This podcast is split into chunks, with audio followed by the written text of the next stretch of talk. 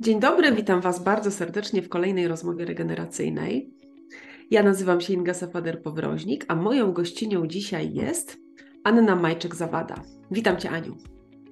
Dzień dobry, dziękuję pięknie za zaproszenie.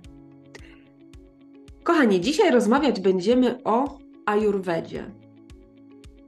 Ja do tej pory zawsze myślałam, że ajurweda związana jest tylko i wyłącznie z ustawieniem domu. Nie wiem, jakaś taka informacja, która zasiała się we mnie wiele lat temu, a potem tego nie sprawdzałam. Do momentu, kiedy zobaczyłam Anię na LinkedIn, która zaczęła pisać i mówić o ajurwedzie.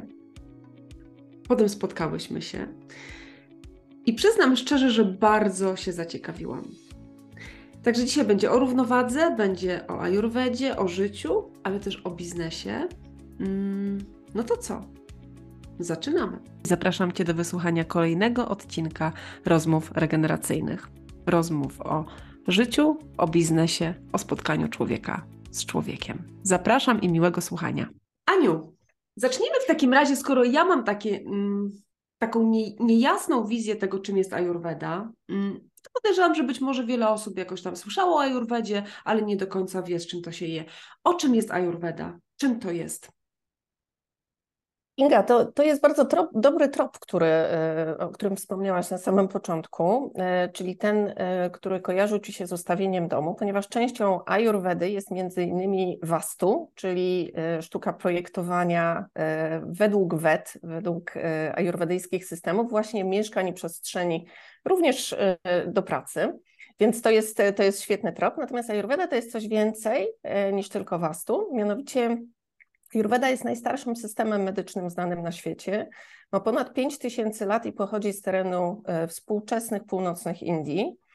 E, to jest system, z którego wywodzi się zarówno medycyna tybetańska, jak i medycyna e, chińska, zwana TCM, bardzo popularna w Polsce, ale też Ayurveda jest matką naszej współczesnej medycyny. I co ciekawe, Ayurveda nie uległa temu efektowi zapadki kulturowej, czyli przez 5000 lat udowodniła swoją skuteczność, e, w związku z czym nadal jest popularna. Mało tego, jest systemem medycznym, który w bardzo wielu krajach jest również refundowany. Nie jest to Polska niestety, natomiast kraje ościenne, Słowacja, Niemcy, również kraje bałtyckie, tam Ayurveda jest e, uznanym systemem medycznym, który jest równorzędny dla współczesnej medycyny, dla medycyny konwencjonalnej e, i traktowany jako uzupełnienie. E, bo ja jestem zdania, że tylko i wyłącznie e, komplementarność tych systemów może dać nam zdrowie. Ale rozumiem, że skoro to jest metoda, jakby system taki wiedzy, który powstał 5000 lat temu, um, no to podejrzewam, że no, trochę ta Ayurveda ewoluowała przez te 5000 lat. Ale co jest jej taką absolutną podstawą? No bo jeżeli 5000 lat temu, to musiało to wynikać z jakichś konkretnych obserwacji. Co, co jest bazą, co jest podstawą Ayurvedy? E, bazą Ayurvedy jest obserwacja przyrody i podejście holistyczne, czyli takie całościowe do wszystkiego, co nas otacza, przy założeniu, że my nie jesteśmy częścią natury, tylko nią po prostu jesteśmy.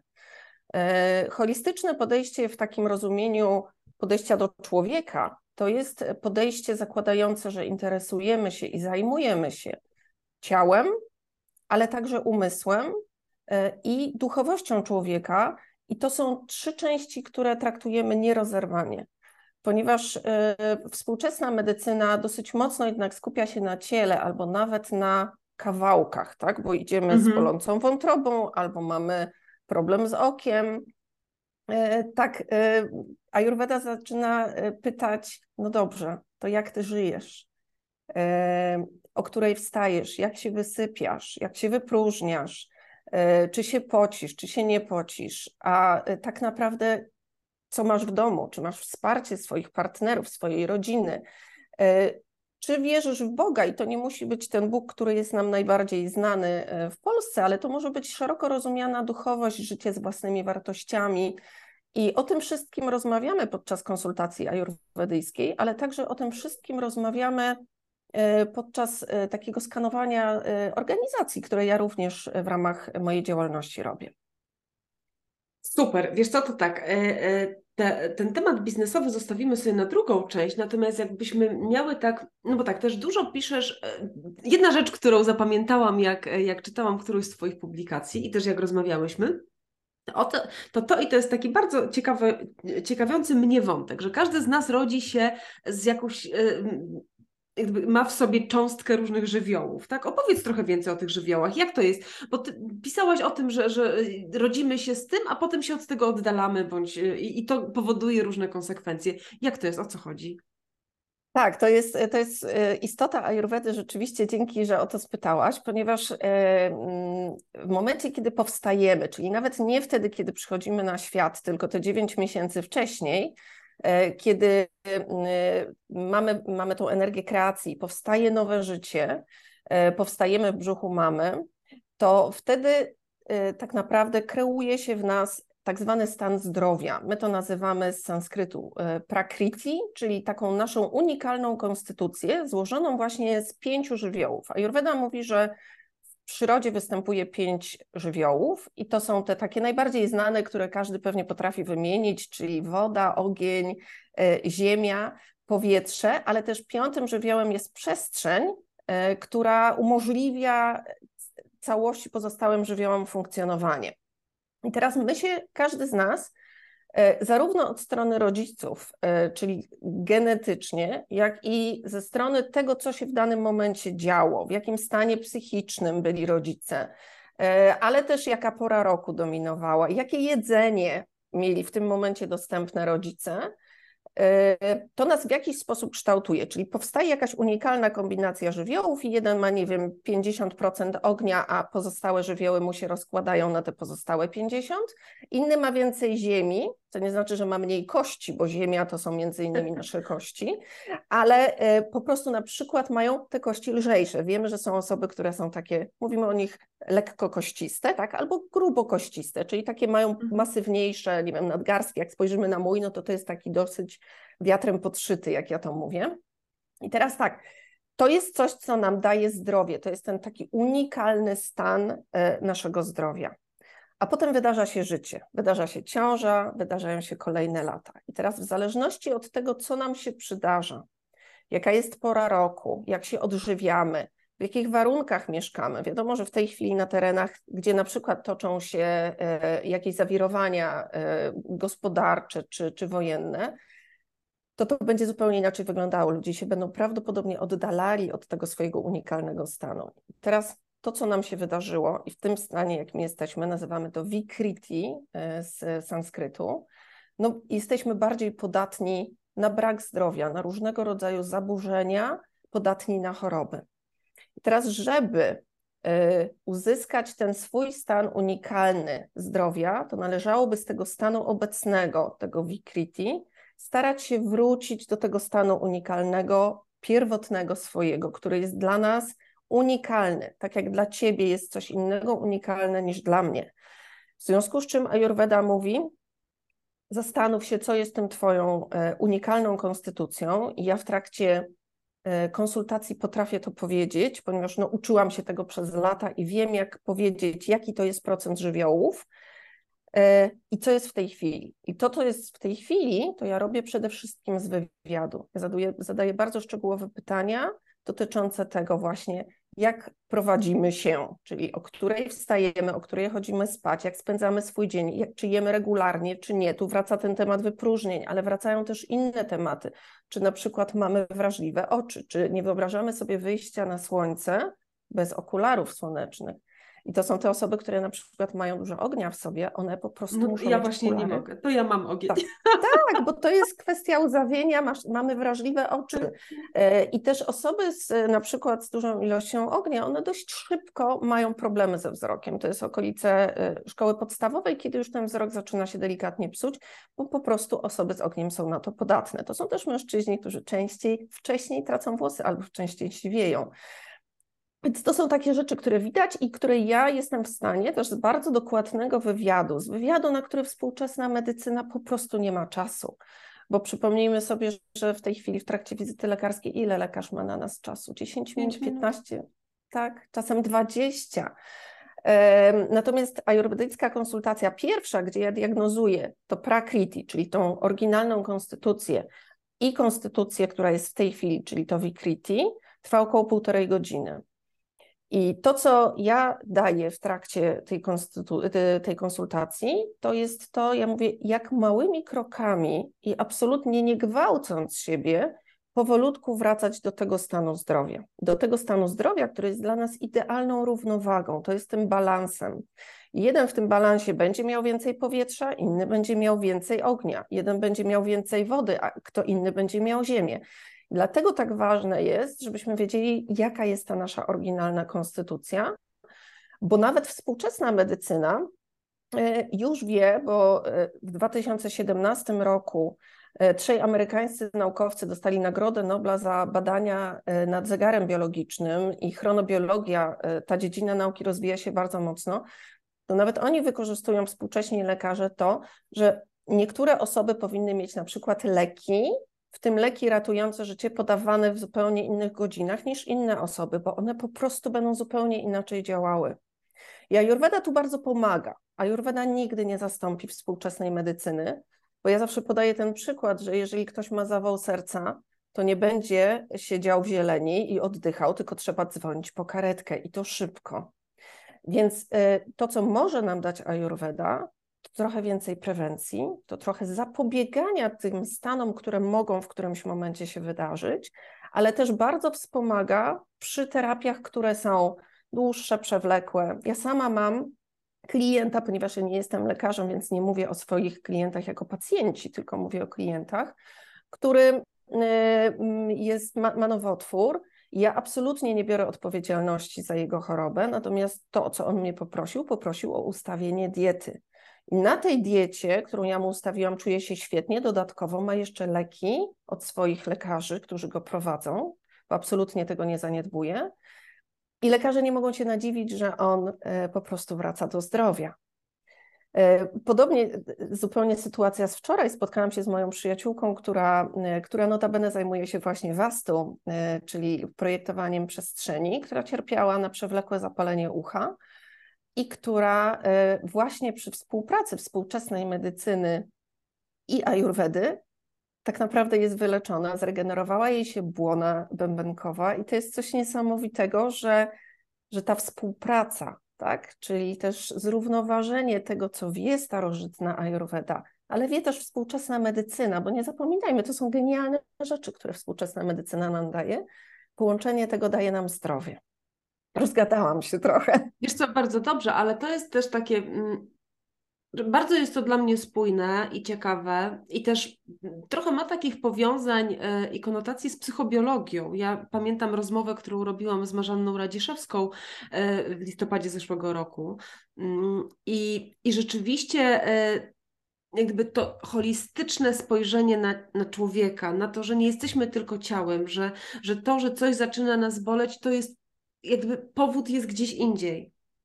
I akurat pani Marzanna mówiła o, o tych y, powodach psychobiologicznych, tak? Ale też jak, jak mówisz o tym, że y, ta nasza y, indywidualna konstytucja tworzy się w momencie, kiedy, kiedy jesteśmy poczęci, czyli zależy od tego, co rodzice jedzą, jaka jest ich sytuacja życiowa, co się tam dzieje w życiu. Ona też o tym mówi, że bardzo dużo zależy właśnie od tego życia y, płodowego. Wiele, wiele w ogóle wtedy, się, wtedy się dzieje tak dużo w tym obszarze, nawet totalnie niezależnie od dziecka, prawda? Tylko, tylko od innych zewnętrznych czynników. I popatrzenie na to i znaczy, mnie zawsze bardzo dziwi, jak e, znam takie osoby, które tak bardzo radykalnie sceptycznie podchodzą do, do takich holistycznych metod.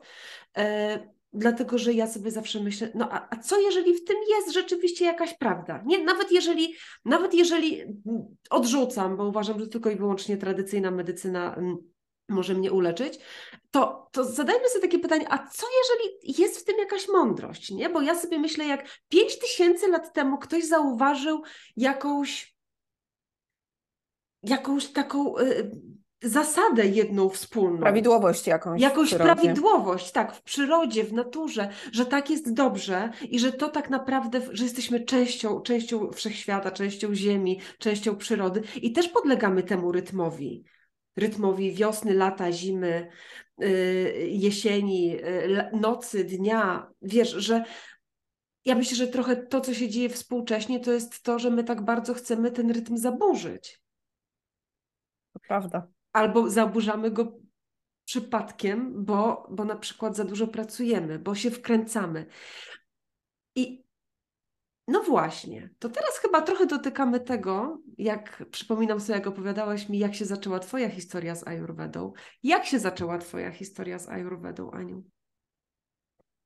Moja historia zaczęła się już kilka dobrych lat temu. Y, I rzeczywiście ja wiele lat temu, jakieś 20 lat temu, jak weszłam na ścieżkę rozwoju, to byłam jeszcze cały czas w szkiełku i oku i mi się wydawało, że tylko to, co namacalne, to jest ok. I jak zwykle zaczęło się to wszystko od jakiegoś cierpienia, czyli od jakiegoś braku zdrowia, od jakiegoś stanu, w którym nie czułam się komfortowo i wtedy weszłam na ścieżkę rozwoju, tam się pojawiła i homeopatia, i pojawiły się, e, pojawiła się No ale dobrze, ale opowiedz mi, opowiedz mi i, i osobom, które nas słuchają, bo myślę, że to jest coś, co może kogoś zainspirować i dać taki moment stop.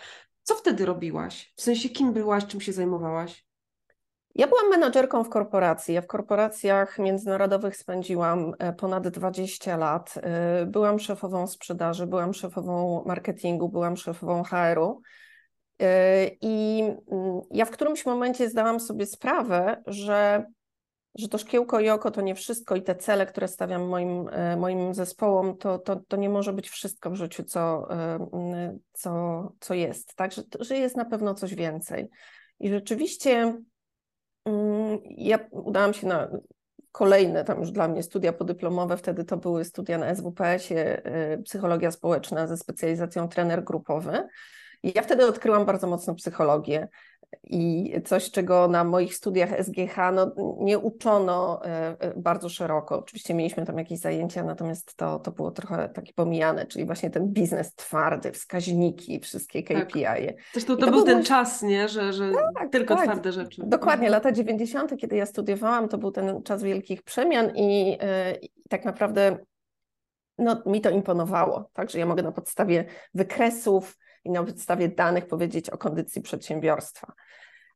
I to był długi czas w moim życiu, i w którymś momencie właśnie nastąpił taki trochę breakdown też psychiczny, w którym ja sobie zdałam sprawę, że coś jest więcej. I, i studia na SWPS-ie, wtedy, kiedy właśnie zaczęłam studiować psychologię społeczną, otworzyły mnie na coś więcej, otworzyły mnie z kolei właśnie na takie większe czucie, ale też jeszcze w dalszym ciągu ja byłam w głowie.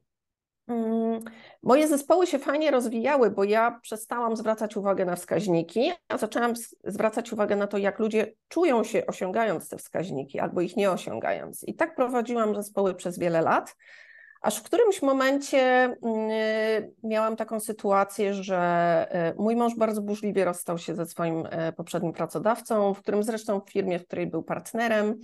I bardzo go to też z poziomu takiej wartości lojalności e, e, zaburzyło, jak to my mówimy.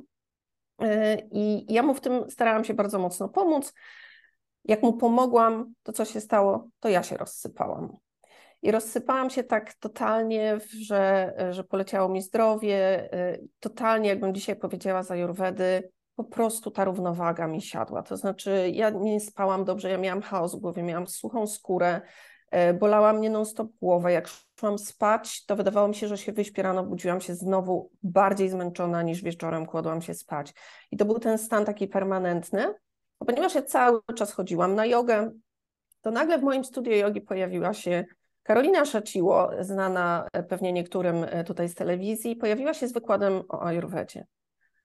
I ja powiem Ci, że ja słuchałam o tej ajurwedzie i ja nie wierzyłam, że dokładnie to, co ja przeżywam, czyli ta suchość skóry, ten chaos w głowie, te zimne ręce i nogi, e, te, ta boląca głowa, to wszystko, co, co przed chwilą wymieniłam i dużo, dużo więcej, ona na to znalazła konkretną nazwę. I ona mi powiedziała wtedy zaburzenie doszywata. Doszawata to jest kombinacja dwóch żywiołów, kombinacja powietrza i e, przestrzeni. I ja nagle mówię, kurczę, ktoś to kiedyś opisał tak? Dokładnie to, co ja przeżywam. No i zaczęłam się tym interesować. Przeczytałam mnóstwo książek, ale te książki, jak to pisane trudnym jednak językiem, bo tłumaczonym z sanskrytu, sporo odkryły, ale jeszcze więcej zakryły. I ja na początku chciałam iść na studia podyplomowe, które są jedyne w Polsce, są w Katowicach studia podyplomowe z Ajurwedy, ale ostatecznie wylądowałam na Podlasiu w szkole Ajurwedy Agni Ajurweda, e, Marii Nowak-Szabat i Michała Szabata. I to są dwie osoby, które uczyły się w Indiach bardzo długo Ajurwedy i e, prowadzą, prowadzą firmę, zresztą bardzo holistyczny biznes i oni tak naprawdę prowadzili mnie ku temu, kim jestem w tej chwili. Oczywiście ja to zrobiłam sama, tak? Bo nie zapominajmy, że nawet jak mamy mentorów, to jednak robimy to sami. Natomiast to, co dało mi w kontekście wiedzy, ale też inspiracji i przede wszystkim dało mi taką możliwość odpuszczania mojej głowy. Ta głowa cały czas myślała. Ja te przez 20 lat wtłaczałam sobie bardzo dużo wiedzy do głowy. Już nie zliczę na ilu ja byłam w studiach podyplomowych i kursach i tego wszystkiego, bo więcej, bo jeszcze to mnie ciekawi. Psychobiologia, o której wspomniałaś, tak, ja też w tym wszystkim byłam. Ale jak doszłam do Ayurvedy, to nagle doznałam olśnienia, że to jest dokładnie to, co daje odpowiedzi na wszystkie pytania, które ja sobie stawiałam. Oczywiście ja korzystam nadal właśnie z psychobiologii, ja korzystam z mojego wieloletniego doświadczenia biznesowego. Natomiast y, ja w którymś momencie zobaczyłam, że konsultacje, które ja robiłam w HR-ze, y, rozmowy feedbackowe, to wszystko uzupełnione o Ayurvedę daje pełny obrazek. To jest, to jest jak ten brakujący puzzle w moim życiu. Kiedy ja y, dawałam ludziom bardzo dużo, tak? Patrzyłam tak trochę psychologicznie też, e, nie tylko biznesowo, tak? Pytałam się, jak się czujesz, co cię kręci, co ty chcesz robić w życiu, jakie jest twoje powołanie, czy ty na pewno robisz to, co chciałabyś robić, czy chciałbyś.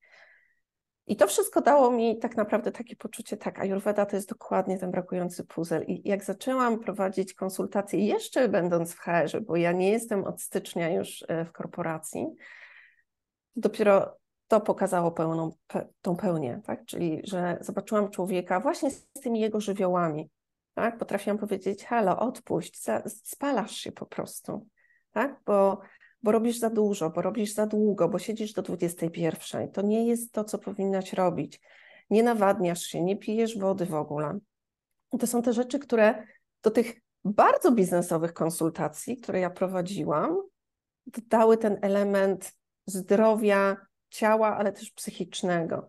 I coachingi, które prowadziłam, bo też jestem coachką, to, to są te wszystkie rzeczy, które się po prostu nagle ułożyły w całość. I, I, ja miałam taki przebłysk w trakcie pandemii też. Pandemia dała mi bardzo dużo, gdzie powiedziałam, tak, Ayurveda jest tym, czym ja chcę się zajmować. E, chcę to dawać innym, chcę się dzielić. Ja zawsze byłam w tym zawodzie pomocowym, tak, czyli takim HR-owym, to też jest ten zawód pomocowy, I ja doszłam do wniosku, że ja po prostu e, mam coś do zaoferowania światu i odkryłam tą, jak my to mówimy, z sanskrytu dharmę, czyli powołanie życiowe, właśnie żeby uczyć ajurwedy, żeby to pokazywać, że to są proste metody, że to nie jest tak, że trzeba łykać nie wiadomo ile ziół, tylko można po prostu zacząć od picia ciepłej wody codziennie rano. Czyli tak, ciepła. Ciepła woda. Tak, e, śmieję się dlatego, że ostatnio też przeczytałam taki e, zabawny, tak, zabawny wpis, e, jak to tam ktoś na, na LinkedInie pisał, że jedni mówią, że ciepła, drudzy mówią, że zimna, jedni jeszcze mówią, że ciepła z cytryną, a jeszcze inni, że z miodem. No to jaka w końcu ma być? Powiem Ci tak, ja, ja nie byłam z domu nauczona picia wody, u mnie się piło kawę albo herbatę. I ja bardzo długo opierałam się przed piciem wody i piłam wodę zimną, no bo tak mi się wydawało, że tak jest prawidłowo, no trzeba się nawadniać, ona mi kompletnie nie smakowała. Jak ktoś mi powiedział, pij ciepłą wodę z cytryną i pamiętam, że to była Kasia Bem, która też jest taką, e, była przez, przez długi czas taką moją guru, jeśli chodzi o, o zdrowie, e, to ona powiedziała ciepła woda z cytryną. I my żeśmy przez, z moim mężem przez parę lat pili tą ciepłą wodę z cytryną, ale mm, potem w którymś momencie zdałam sobie sprawę, że jak już się nauczyłam ajurwedy, że ciepła woda z cytryną jest dobra, ok, ale terapeutycznie na konkretną rzecz. Tak, czyli jeżeli na przykład chcesz schudnąć, a z tym przychodzą moje klientki, z tym no. zaczynają. No, no mów. To, to ja polecam rzeczywiście tą ciepłą wodę z cytryną i odrobiną miodu, ale wtedy przesunięcie posiłku na godzinę wiem, między 9 a 10, tak? Bo ten miód daje nam takie uczucie sytości. E, e, bardzo pięknie cytryna nas odkwasza, bo ona mimo, że jest kwaśna, to jest tak naprawdę -hmm. ostatecznie zasadowa, e, więc to bardzo dużo daje przy odchudzaniu. I ja tra zaczęłam traktować te wszystkie dodatki do wody terapeutycznej. Ja w tej chwili sobie nie wyobrażam dnia, bez wypicia dwóch, dwóch i pół litra ciepłej wody. Ja cały czas, jak wychodzę poza dom, poza dom, jestem z moim termosem, na każdej stacji benzynowej, jeśli jadę, dolewam gorącej wody, chwilę pozwala mi jej się przestudzić. I tak, ja mam taką wodę w temperaturze około 50-60, nawet czasem goręczą piję. E, I to jest coś, co e, równoważy kawę, którą ja piję. Piję jedną kawę dziennie, ale też mi zajęło parę lat zejście z pięciu. E, przestałam pić herbatę, chyba że czasem piję zieloną, chociaż zdarza mi się czarną, ale bardzo rzadko. Natomiast rzeczywiście podstawą jest dla mnie woda. Osoba, która nigdy nie była nauczona pić wody. Więc ja polecam ciepłą, bo mówimy w Ajurwedzie, że wszystko, co nasz organizm przyjmuje, żeby strawić, musi podgrzać do temperatury naszego ciała. W związku z czym, jak mamy, wlewamy sobie tą zimną wodę, to ona i tak musi zostać podgrzana przez nasz organizm. A rano nie mamy jeszcze odpowiedniego ognia trawiennego, żeby ta woda sobie po prostu się troszkę, nie mówię podgotowała, ale podgrzała u nas, w związku z czym ta woda przez nas przelatuje. I podobało mi się zawsze takie porównanie, ktoś mi kiedyś e, to powiedział, no to ciepła woda dla naszego organizmu to jest trochę jak zmywanie z Ludwikiem. Jestem starej daty, więc Ludwik, tak? Ale, e, ale trochę tak, że ta ciepła woda wymiata dużo rzeczy z naszego organizmu, to pomijając że po prostu nawadnia. A drugie takie porównanie, które przychodzi mi do głowy, to jest trochę tak, że wyobraź sobie, że masz teczkę skórzaną, taką starą, z takiej już starej bardzo skóry. I gdybyś chciała tą skórę rozmiękczyć, to jaką wodą będziesz polewała tą teczkę? Tak? Nie zimną, bo ona wtedy po niej spłynie, tylko ciepłą i to długo. Bo nasze jelita, poprzez między innymi żywioł powietrza i przestrzeni, czasem są bardzo wysuszone, czasem sobie nie zdajemy sprawy. To są te niefajne wypróżnienia, które mamy. E, I wtedy, żeby te jelita właśnie troszkę rozmiękczyć, rozpulchnić, to ta ciepła woda jest idealna do tego, żeby pomóc jelitom lepiej wchłaniać. To widać bardzo fajnie na języku, czy wchłanianie jest prawidłowe, czy nie. Ja nie diagnozuję z pulsu, ponieważ nie potrafię tego robić za dobrze, natomiast dobrze diagnozuję z języka i powiem Ci, że 90% klientów, którzy do mnie przychodzą, mają zaburzenia wchłaniania i to po prostu im język pokazuje. Nie pokazuj mi tutaj języka, bo nie, nie będę widzieli. Nie będę. Wiesz, żeby zobaczyć, to trzeba wiedzieć, co, co trzeba zobaczyć. Tak. W każdym razie, e, nie, nie będę się tutaj tak e, obnażać e, językowo. W każdym razie, wiesz, Aniu, to o czym mówisz, to też bardzo mm, jakby jak, jak już jakby nawiązałaś trochę do tego połączenia do biznesu, nie? Bo rzeczywiście wywodzisz się z biznesu i ja uważam, że to, to się bardzo pięknie łączy. Zresztą teraz dopiero jest ten czas, kiedy, kiedy zaczynamy w biznesie mówić o człowieku. Nawet to, co wydarzyło się na y, Open Forum 30 marca, to, to, co, to, co uczestnicy mówili, jak ja miałam feedback po spotkaniu, że to było takie wspaniałe, bo spotkaliśmy się jak człowiek z człowiekiem. Zresztą tematy, które były poruszane, to też, to też jest o człowieku. Przecież myśmy tam mówili o biznesie, ale to wszystko było o człowieku. I teraz ten, to, to, co się dzieje teraz w przestrzeni takiej publicznej, że coraz częściej mówimy o zdrowiu psychicznym, że w biznesie zauważany jest człowiek. Owszem, ja jak e, e, tymi, właśnie tym, jak to się zmienia w biznesie, podzieliłam się kiedyś przy stole z moim przyjacielem e, Witoldem Rychłowskim, to on tak na mnie popatrzył i tak mówi, jaką ty masz piękną wizję, tyle że nieprawdziwą. I niestety myślę, że trochę tak jest, że ciągle w, pewnie w dużej większości przedsiębiorstw tak jest, że, mm, że jednak ciągle się patrzy przez wskaźniki. Ale myślę sobie też, że jest coraz więcej takich pionierów tego myślenia innego, tego, że jest coraz większe takie przyzwolenie społeczne na to, żeby, żeby właśnie tego człowieka zauważać. Ja poznaję coraz więcej menadżerów wysokiego szczebla, którzy mówią taki sposób z serca właśnie o wartościach. Nie, nie boją się mówić o emocjach, o empatii, o uczuciach, o zauważaniu człowieka w człowieku. E, że, że to zaczyna być takie bardzo równoległe. I jak mówisz o ajurwedzie, o tym, że te, te zasady ajurwedyjskie, one odnoszą się po prostu, można powiedzieć, do wszystkiego. Czyli jeżeli tym, temu rytmowi życia na Ziemi podlegamy my jako ludzie, to pewnie można to też przełożyć na biznes. Jak ajurwedę zastosować w biznesie? Jak ty to robisz? To jest, to jest bardzo ciekawy temat i yy, ja łączę temat ajurwedy z biznesem yy, i to jest yy, właśnie chyba klucz mojej działalności. Mianowicie ja postrzegam organizację jako systemy złożone z żywiołów. ponieważ w organizacjach pracują ludzie i oni mają swoje żywioły, pozaburzane niejednokrotnie, e, to to wpływa bardzo mocno na organizację, ale same też organizacje, w ogóle system na przykład rodzinny jest też kombinacją jakichś żywiołów. Ale mówimy o biznesie, gdzie organizacje bardzo często mają na przykład tradycje. Są firmy, ja sama pracowałam w takiej firmie, która niedługo będzie świętowała 150 lat na rynku, i to są firmy z tradycjami, które są e, organizacją, w której przeważa żywioł ziemi i wody. Tak? To są te takie mocno osadzone organizacje, które mówią tak, zawsze tak robiliśmy, to nam się świetnie sprawdzało, więc będziemy robić tak nadal. Dalej. Tak? Znasz na pewno takie organizacje. Niektóre świetnie przetrwały, a niektóre miały kłopoty i znamy też takie.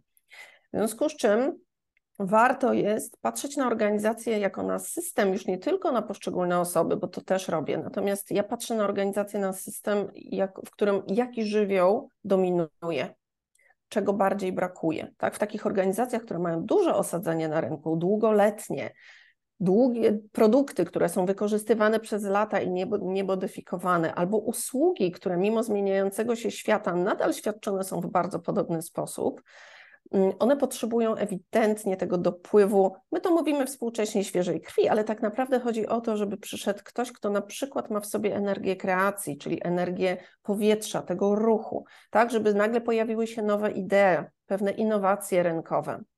I te firmy wypuszczają innowacje rynkowe, ale ja sama pamiętam z mojego doświadczenia, że te, po, takie powołanie innowacji rynkowej trwa kilka dobrych lat, a świat przyspieszył, w związku z czym potrzebujemy ludzi w organizacjach, którzy mają inne energie i też będą wnosić. I o ile organizacje są otwarte na to, a nie szukają sobie podobnych do siebie, to będą się rozwijały, będą równoważyły swój system, dopuszczały więcej ognia. Ogień to jest tak naprawdę e, taka energia przetwarzania informacji. I teraz, jak korzystają firmy z dostępnych informacji rynkowych? Tak? Kto to śledzi, kto im przynosi to? Czy to jest wykorzystywane dopiero po roku, jak najpierw Czy obejrzy szef HR-u, tak, a potem zarząd, a potem przedyskutują, a potem trzy razy jeszcze wrócą a do potem tematu. uznają, że to nie jest nie, to nie jest nami, nic warte. Dokładnie, znamy też takie organizacje. Czy próbują to jednak wdrożyć w miarę szybko? Czy robią pewne rzeczy pod publiczkę, tak? Bo teraz jest modne, nie wiem, diversity, inclusion i tak dalej. Tak, i AI. Dokładnie, i AI. Czy może naprawdę chcą coś zmienić w organizacji? czy na przykład y, dzielą się swoimi przychodami. To jest też trochę energia też z psychobiologii, ale też z bardzo wielu innych systemów. Ta energia przepływu, żeby woda y, płynęła w organizacji, czyli przychody były też zrównoważone z tym, co wydajemy, czyli żeby były dobre koszty w organizacji, dobre inwestycje w pracowników, ale też dzielenie się z innymi, z bardziej potrzebującymi. To jest coś, co wróci energetycznie do organizacji. A są takie firmy, które jednak bardzo koncentrują się na gromadzeniu swoich przychodów, niechętnie się dzielą, niechętnie inwestują w nowe struktury. Jest ileś firm bez HR-u, bo HR to koszt dla niektórych, tak? A to jest ten dobry koszt. Miałam kiedyś szefa, który powiedział, mówił do mnie Frau Majczyk, e, bo ja długie lata byłam w Niemczech, w Szwajcarii, mówi Frau Majczyk, e, są dobre koszty i złe koszty. Inwestycja w pracowników to jest zawsze dobry koszt. I są tacy szefowie, mm, którzy mówią tak, zainwestujmy w to, bo to nam się zwróci, ale nie w kontekście zwrotu e, takiego z inwestycji, tylko to wróci w energii dobrych ludzi. To na, rozniesie się też e, e, na rynku, że my inwestujemy, tak? Przyjdą ludzie, którzy będą chłonni, ale też bardzo chętni do tego, żeby się dzielić swoją wiedzą, swoim czasem, swoim zaangażowaniem, a my im dobrze zapłacimy. Więc to jest też taka równowaga dawania i brania w organizacjach. I ja na to patrzę. E, są już powolutku menedżerowie i firmy otwarci na takie podejście, na takie spojrzenie bardzo holistyczne, to powiedz mi, czego brakuje w tej mojej organizacji. I ja się cieszę, że tacy się pojawiają. No właśnie, czyli popatrzenie na organizację też jak na jeden organizm, nie? Czyli jak patrzysz na człowieka jako na organizm złożony z kilku żywiołów, tak patrzysz na organizację jako na organizm złożony z, z kilku, z, z wielu żywiołów, nie? Tak. E, I, i, I żeby zachować tą równowagę dla po prostu zdrowia. I też to, o czym wspominałaś, to ciekawi mnie bardzo jeden temat, bo jak mówisz, że pracujesz z człowiekiem, no to zwracasz uwagę na język, tam jest też kilka, kilkukrotnie w rozmowie pojawiała się kupa, czyli to co, to, co z nas wychodzi. Co jest kupą w organizacji, jak patrzymy na biznes? To jest ciekawe pytanie. Właśnie taką miałam wczoraj refleksję i postanowiłam zadać Ci to pytanie. Tak, tak. Wiesz co, ja, ja myślę, że kupą w organizacji są opinie użytkowników. Opinie użytkowników produktów, które dana firma sprzedaje, czy też opinie dotyczące usługi, którą dana firma świadczy. I teraz po pierwsze warto, żeby te informacje były regularne, trochę tak jak ta kupa, tak? Czyli żebyśmy wiedzieli, jak jesteśmy odbierani jako organizacja, jako firma na rynku, jak nasz produkt jest przyjmowany, ale też tak naprawdę to jest ten zwrot, e, o którym wiemy, ok, musimy coś poprawić, tak? To tak jak nasz organizm nam mówi, kupa nie bardzo, tak? Pijmy więcej mm -hmm, wody, tak? Zjedzmy mm -hmm. więcej czegoś Zrób zielonego. Coś. Zrób coś. I jeżeli my będziemy mieli te opinie użytkowników e, dostępne, będziemy tym zainteresowani. To znowu nie będzie robione pod publiczkę. Będziemy czyli... chcieli na to popatrzeć. Dokładnie, czyli czytanie ze zrozumieniem tego, co nam e, powiedzą. Oczywiście tam się zawsze znajdzie jakiś hejt, tak? No bo to, się, to, to, to taki współczesny świat jest, ale zwracając uwagę na opinie merytoryczne, możemy sporo poprawić w naszej usłudze, w naszym produkcie, ale też w naszej komunikacji do rynku. To jest mnóstwo obszarów, które dzięki tej informacji zwrotnej możemy uzyskać. Także ja bym postrzegała właśnie wypróżnienie jako taką informację zwrotną z rynku. Czyli takie coś dobrego, co jest częścią też e, e, całego systemu. Ja myślę, że jest, e, znaczy myślę, że to jest pierwsze na rynku naprawdę porównanie opinii klientów do kupy, więc zastanawiam się, co słuchacze z tym zrobią, no ale nic, każdy weźmie dla siebie Pamiętajmy, że każdy z nas chodzi do toalety, tak? To jest bardzo tak, naturalna czy tego, rzecz. Tak, tak, tak. I jak nie pójdzie, to się źle czuje. No po prostu. To się źle czuje. No, tak, tak, popatrzmy na to tak, tak po prostu zwyczajnie, fizjologicznie. Tak, tak, po ajurwedyjsku. No właśnie, ale Aniu, wiesz, bo tak sobie też myślę, mm, że to takie spojrzenie holistyczne trochę otwiera nas na takie patrzenie na to, że to, co się wokół nas dzieje, wszystko jest naturalne. W sensie, że jest ten rytm, do którego przynależymy. Y, I łatwiej jest przecież iść z tym rytmem niż pod prąd, bądź próbując zaburzyć ten rytm. No, no chyba nie znalazł się jeszcze taki, komu by się udało po prostu tak totalnie zaburzyć rytm wszechświata. No, no nie. No on nie, jest silniejszy. Nie. On jest silniejszy i mało tego my mu podlegamy, czy chcemy, czy nie. Y, I Oczywiście możemy mówić o wpływie planet, księżyca i tak dalej, ale ja się tutaj nie będę zapuszczała w astrologię wedyjską, natomiast e, chociażby to, na co mamy bezpośredni wpływ, czyli nasz rytm dzienny, ale też rytm roczny. My mamy na to nawet określenia w sanskrycie, w ajurwedzie, ale tu już, już padło trochę, więc już nie, nie chciałabym mm -hmm. za dużo podawać słów z sanskrytu.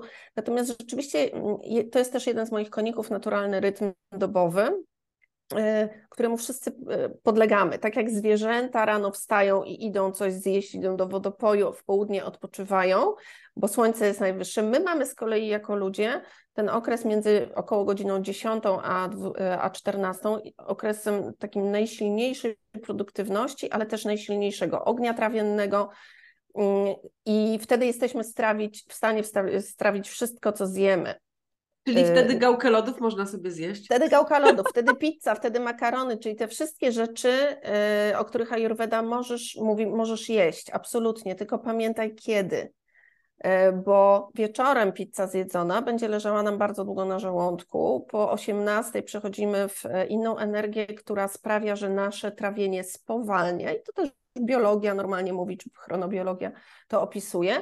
Natomiast między 10 a 14 jesteśmy w stanie strawić praktycznie wszystko, mając ogień trawienny w porządku, no bo też nie każdy go ma w porządku. Mhm.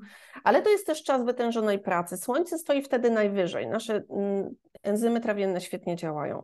Natomiast to wstawanie takie, ja mówię, że wstawaj około 6, to jest fajna godzina. Ja osobiście wstaję wcześniej, dlatego że o 6 zaczyna się energia ziemi i wody. Co to oznacza? Jesteśmy ciężcy, nabieramy y, czasem takich opuchlizn, jest nam ciężko wstać i im później po szóstej będzie nam gorzej wstać, więc my tym rytmom podlegamy. I teraz co się dzieje, jeżeli przez całe pięć dni e, w pracy wstajemy bardzo wcześnie rano, jesteśmy w takim speedzie, w takim ranie e, i, i działamy, no to chcemy się w ten weekend wyspać. Tak? Odsypiamy, śpimy do dziesiątej. I co się dzieje w poniedziałek? To jest jeden wielki koszmar. I wcale nie dlatego, że to jest poniedziałek i trzeba wrócić do pracy, tylko dlatego, że zaburzyliśmy sobie nasz rytm dobowy, normalny, na dwa dni. Nasz organizm zgłupiał. Przez pięć dni się przyzwyczaił.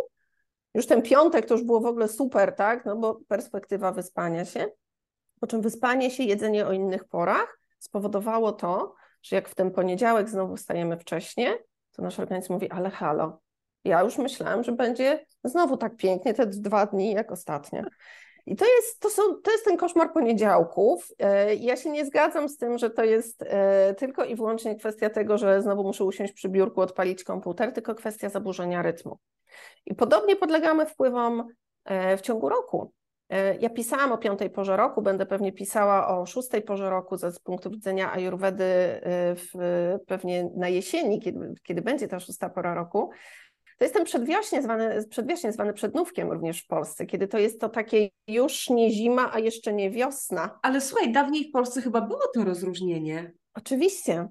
Prawda? Oczywiście. Bo ja, ja pamiętam, że mówiło się o przedwiośniu, no. Tak. A już o przednówku, no to na pewno, no bo to tak historycznie, e, e, jeżeli chodzi o wsie i rolnictwo, no to to był tak. ten czas największego zaciskania pasa, nie? Bo kończyły tak. się zapasy, a jeszcze nie było nowalijek. Dokładnie tak i bardzo dużo rzeczy, fajnie, że o tym wspomniałaś, bo bardzo dużo rzeczy w naszej polskiej tradycji pochodzi z ajurwedy, e, o czym my w ogóle nawet nie wiemy, bo chociażby ten żur, czy biały barszcz pity, czy jedzony e, na Wielkanoc, on pochodzi z ajurwedy, bo wracało się z kościoła po tej porannej mszy i trzeba się było rozgrzać, tak?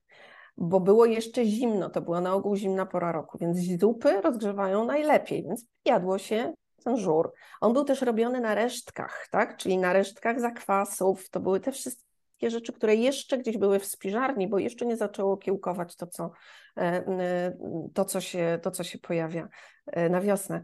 Więc mamy bardzo dużo zapożyczeń, i ja też patrzę na to z dużą ciekawością, jak tradycje E, bardzo fajnie się właśnie dopasowują też do, e, do naszego rytmu e, takiego rocznego. Posty, tak? Czyli mniej jedzmy na wiosnę, bo musimy się oczyścić z tego, co żeśmy tam gromadzili, tego cukru zimowego. Też post w szóstej porze roku, czyli ten adwentowy taki nasz historyczny, to jest też bardzo dobra rzecz, żeby po prostu trochę przygotować się na przyjęcie z kolei cięższych rzeczy w zimie. Więc to jest wszystko mądrość ludowa, do której ludzie sięgają albo i nie. I do mnie przychodzą klienci, którzy są świadomi i chcą. Ja nie przyciągam osób, które są anty, bo wiedzą, że ja, ja, też wiem, że ja ich nie przekonam i to nie jest moją intencją. To nie chodzi ale... o przekonywanie. Tak, do mnie przychodzą już osoby, które wiedzą, tak, chcę w to pójść, tak, mnie to interesuje, powiedz mi więcej. Więc to jest też taka energia przyciągania. Po prostu przyciągam ci tych, którzy już, e, już chcą, tak, już wiedzą trochę. Tak, wiesz Aniu, ja myślę, że jak e, mówisz właśnie o tych mądrościach ludowych i o tym, jak one pochodzą z Ajurwedy, ja myślę, że to jest, jak gdyby baza jest ta sama, czyli obserwacja e, natury i, i dopasowanie się do niej. Więc to jest ta. Ja myślę, że to też są też nasze korzenie, o których niestety przez medycynę i przez y, namiętne branie tabletek zapomnieliśmy po prostu, bo mamy niezależnie od tego, co robimy, weźmiemy tabletkę i się naprawimy, nie? Y, y, mhm. Więc, więc tutaj ja też bardzo, bardzo zachęcam do takiego powrotu do natury, do takiego spojrzenia na siebie holistycznie i do takiego zaczerpnięcia u źródła trochę, nie? Tak. No właśnie, no właśnie. Tak, tak. Jest takie powiedzenie się. E, jednego z lekarzy, od, którego, od e, których się uczyłam, to jest e, dr Hedge, to jest taki hindus, który jest kardiologiem, ale jest też lekarzem medycyny ajurwedyjskiej. Ja tutaj przełożę, na, powiem po angielsku, potem mm -hmm, przełożę, bo, mhm. bo to tak fajnie brzmi po angielsku. There is no pill for every ill, but there is an ill following every pill. Czyli w takim rozumieniu, że no nie na wszystko mamy leki, ale jak już coś weźmiesz, to to może mieć jakieś konsekwencje w Twoim organizmie, po prostu. Więc e, te wszystkie takie, nawet te proste na ból głowy paracetamole, one gdzieś się u nas odkładają. To nie jest tak, że ja unikam, tak? Jak już mam taki nie. ból głowy, że nie jestem w stanie, a muszę funkcjonować, to może się tym ratuję. Ja absolutnie się tego nie odżegnuję, natomiast z głową, tak? Żeby to, żeby nie przesadzić, żeby właśnie nie traktować tabletek jako remedium na wszystko, bo być może mamy zaburzony rytm dobowy, być może mamy zaburzony rytm roczny, być może się zajeżdżamy w pracy, e, być może e, nie mamy wsparcia w domu. Jest mnóstwo tematów, które mogą się pojawić i zacznijmy od tego, zanim sięgniemy po tabletkę, która na pierwszy rzut oka nam pomoże, a potem nam coś jednak zabierze, kawałek zdrowia i, i, i na dłuższą metę nam nie pomoże. No tak, Aniu, tak na koniec, bo rozmawiamy w rozmowach regeneracyjnych. Jakie są Twoje metody na regenerację? Ja niezmiennie polecam bycie w naturze, czyli y, po prostu spacer. I ci, którzy mają psa, szczęśliwi, ja też mam, pies zawsze pomaga, bo pies po prostu wymusza wyjście. I to nie muszą być y, nie wiadomo jak długie spacery. Te pół godziny dziennie naprawdę wystarczy.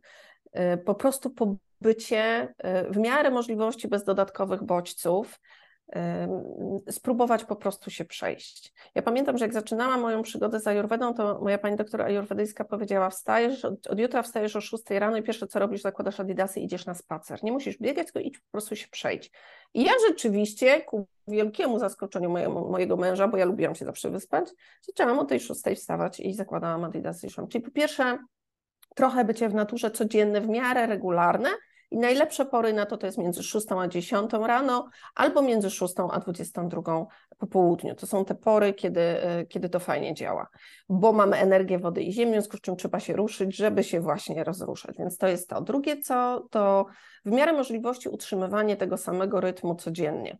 Mówię w miarę możliwości, bo nie zawsze się tak da, szczególnie jak mamy dużo wyjazdów, jesteśmy cały czas w ruchu, to w miarę możliwości y, utrzymanie tego, czyli nie właśnie, nie wiem, piąta rano, pięć dni w tygodniu, a godzina dziesiąta wstawanie rano w weekend, tylko w miarę to jakoś spróbować y, y, zrównoważyć bo dla każdego ten rytm będzie trochę inny, natomiast mm -hmm. warto, żeby jednak w miarę możliwości utrzymywać przez 7 dni w tygodniu ten, ten rytm. No i coś, co polecam niezmiennie, co po prostu jest tak proste, że bardziej się nie da a pomogło bardzo wielu osobom, to jest picie ciepłej wody. To jest zastąpienie y, zimnej wody ciepłą dla tych, którzy już piją, a dla tych, którzy nie piją, to po prostu rozpoczęcie dnia szklanką ciepłej wody.